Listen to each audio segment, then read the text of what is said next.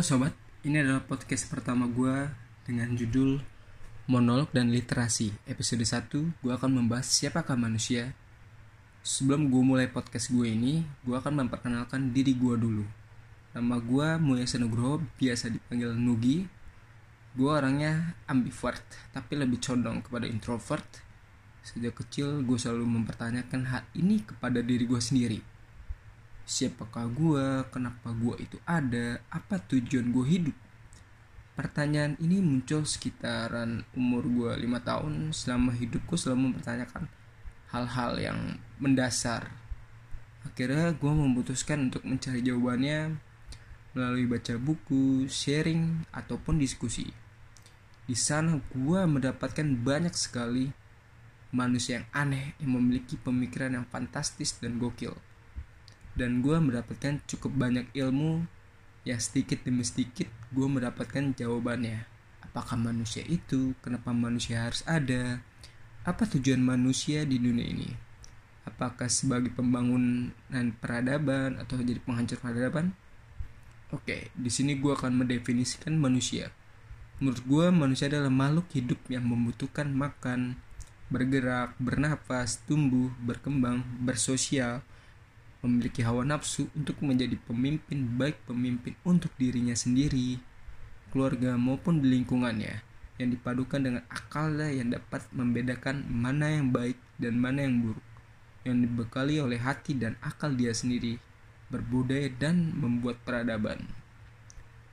Sedangkan menurut Aristoteles, manusia adalah animal rasionale atau hewan yang berakal.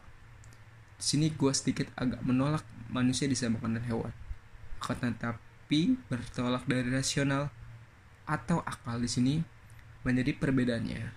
Dan kekasan manusia ada akal ya. Dan gue sedikit menambahkannya, manusia memiliki sesuatu yang dipercayainya untuk menjadi pedoman hidupnya. Baik monoteisme, politeisme, henoteisme, animisme, maupun isme-isme lainnya. Apakah proses awal mulanya manusia itu berasal dari sperma yang kemudian diproses oleh ovum? Hmm, mungkin itu adalah proses terbentuknya manusia secara fisik, akan tetapi manusia merupakan makhluk paling tinggi kompleksitasnya. Ia adalah perpaduan antara material atau fisik dan imaterial atau ruh. Dan ia melakukan perjalanan perjalanan yang menembus ruang dan waktu. Ia sejatinya telah berada dalam dunia ruhania dan ia telah berikrar tiada Tuhan selain kepada Sang Penciptanya. Dan ia memiliki misi di dunia yang fana ini sebagai wakil Tuhan, atau bisa dikatakan manusia adalah manifestasi dari nilai-nilai ketuhanan yang sebagai mikrokosmos dari makroso, makrokosmos, mikro dan makrokosmos.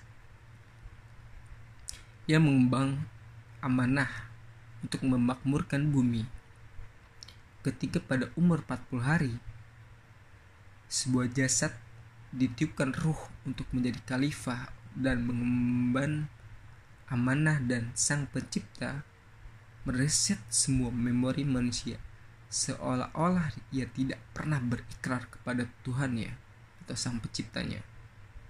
Dan di dunia ini manusia mencari sebuah kebenaran dan menegakkan kebenaran untuk menjadi seorang khalifah berdasarkan janji yang awal di dunia ruhania. Oke, masuk ke dalam manusia di muka bumi ini sudah tentu manusia diciptakan untuk menjadi pemimpin yang jujur, terpercaya, terpercaya, komunikatif dan cerdas. Mungkin ini adalah sebuah pengingat bagi diri kita maupun buat diri gue sendiri yang selalu menggunakan nalar kritisnya dan hati nuraninya untuk menjadi manusia yang lebih manusia yang lebih bermanusia. Sekian dari gue dan jangan ketinggalan mendengarkan podcast-podcast gue selanjutnya yang pastinya akan membahas beberapa hal menarik. Salam menolak dan literasi.